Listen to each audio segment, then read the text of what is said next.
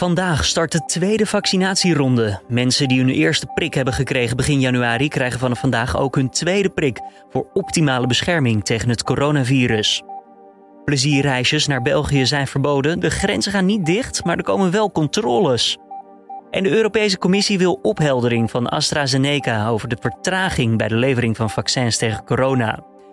Deze ochtend praten we je uitgebreid bij over het nieuws van afgelopen nacht. Mijn naam is Julian Dom en het is vandaag woensdag 27 januari. Goedemorgen.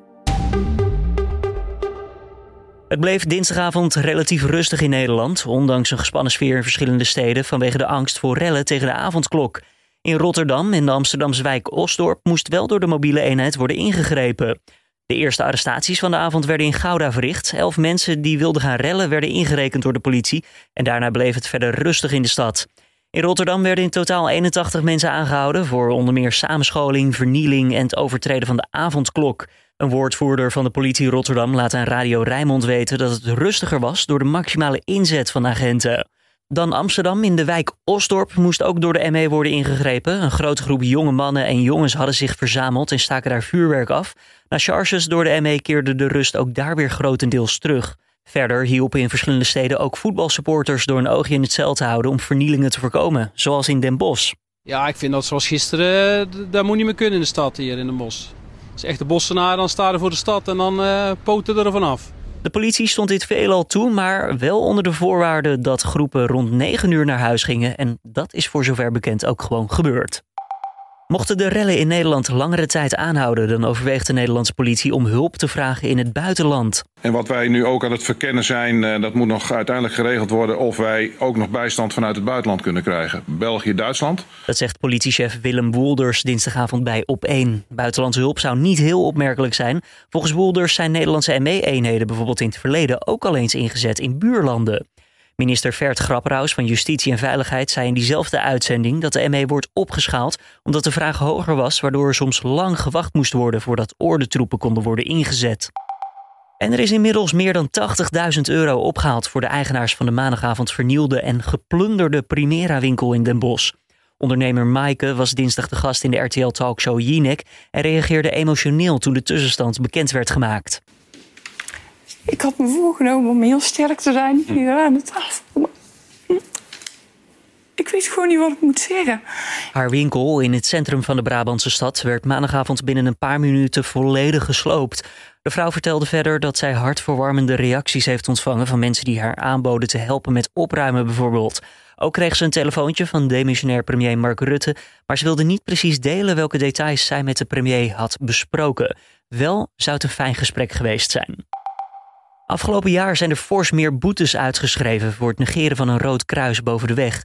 In totaal gaat het om net iets minder dan 5000 bonnen, schrijft de Telegraaf. En dat is een stijging van 55% ten opzichte van het jaar daarvoor.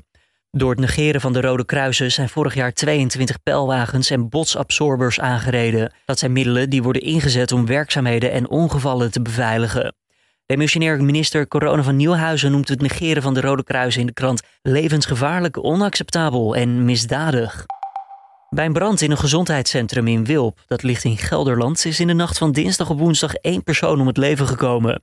Drie anderen raakten gewond, waarvan één slachtoffer naar het ziekenhuis is overgebracht. Rond drie uur gaf de brandweer het zijn brandmeester en het is nog niet precies bekend hoe de brand is ontstaan.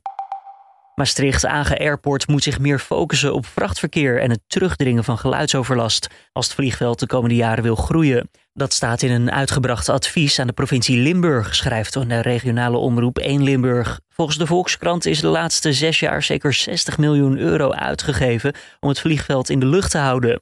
De luchthaven is al jaren een hoofdpijndossier voor de Limburgse bestuurders, vooral vanwege omwonenden die klagen over geluidsoverlast. Ook de winstgevendheid staat ter discussie, mede door forse concurrentie in België en Duitsland. Gemeenten in Nederland verwachten dit jaar 11,3 miljard euro uit heffingen te ontvangen. En dat is een toename van 4,4 procent tegenover vorig jaar. Vooral de gemeentelijke afvalstoffenheffingen loopt flink op. Het gaat om een stijging van 10 procent.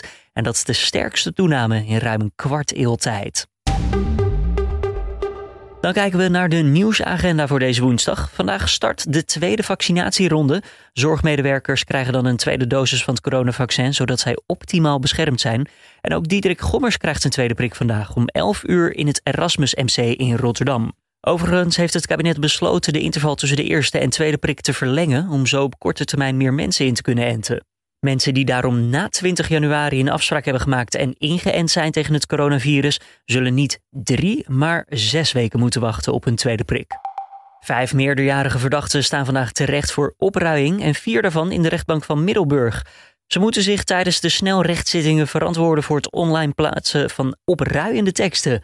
Een van de verdachten is een 18-jarige man uit Goes die via sociale media berichten rondstuurde als laten we eventjes viraal gaan boys. En twee anderen hebben volgens het OM ook via sociale media in straattaal opgeroepen tot rellen en chaos in de stad Goes. De Europese Commissie wil opheldering van AstraZeneca over de vertraging bij de levering van vaccins tegen corona. Gisteren was er al spoedoverleg ingelast tussen de farmaceut, de commissie en vertegenwoordigers van alle EU-landen. En vandaag gaan die gesprekken verder. Afgelopen week werd duidelijk dat de eerste levering van de AstraZeneca Oxford-vaccin aan de Europese Unie kleiner zal uitvallen dan in eerste instantie was verwacht. En een weekendje naar de Ardennen, een dagje naar Antwerpen of andere plezierreisjes naar België zijn vanaf deze woensdag verboden. Het verbod op niet-essentiële reizen, dat voorlopig tot 1 maart geldt, moet met name de verspreiding van de nieuwe, nog besmettelijkere varianten van het coronavirus voorkomen. België sluit weliswaar niet de grens zoals vorig jaar, maar controleert wel vliegtuigen, treinen in de grensstreek. Wie noodzakelijke reis maakt, zoals vrachtwagenchauffeurs, grenswerkers en scholieren die in België naar school gaan, mogen de grens nog steeds over. Dan voor het weerbericht is hier Alfred Snoek van Weerplaza. Vanmorgen is het bewolkt in Nederland en op veel plaatsen valt wat regen of wat motregen. In de oostelijke helft van Nederland is het kouder en kan nog wat sneeuw vallen. Ook is het op sommige plaatsen sterk nevelig. Vanmiddag loopt uiteindelijk de temperatuur op naar zo'n 4 of 5 graden in het uiterste oosten van het land tot zo'n 8 graden in Zeeland. Er blijft veel bewolking, maar lange tijd is het droog. En vooral in het noorden prikt ook even de zon door. De wind bij dit alles waait uit westelijke richting en is matig van kracht, windkracht 3 tot 4. Dankjewel Alfred Snoek. En dit was dan de Dit wordt het nieuws ochtendpodcast van deze woensdag de 27e. Vandaag geen uitgebreid interview, maar dus wel een uitgebreid bulletin. Laat eventjes weten wat je ervan vindt. Dat kan via podcast.nu.nl. We kijken uit naar je feedback. Dat was hem dan voor nu. Vanmiddag is mijn collega Carne van der Brinker met de middageditie van deze podcast. Mijn naam is Julian Dom en ik spreek je graag de volgende keer weer vanaf de voorpagina van nu.nl.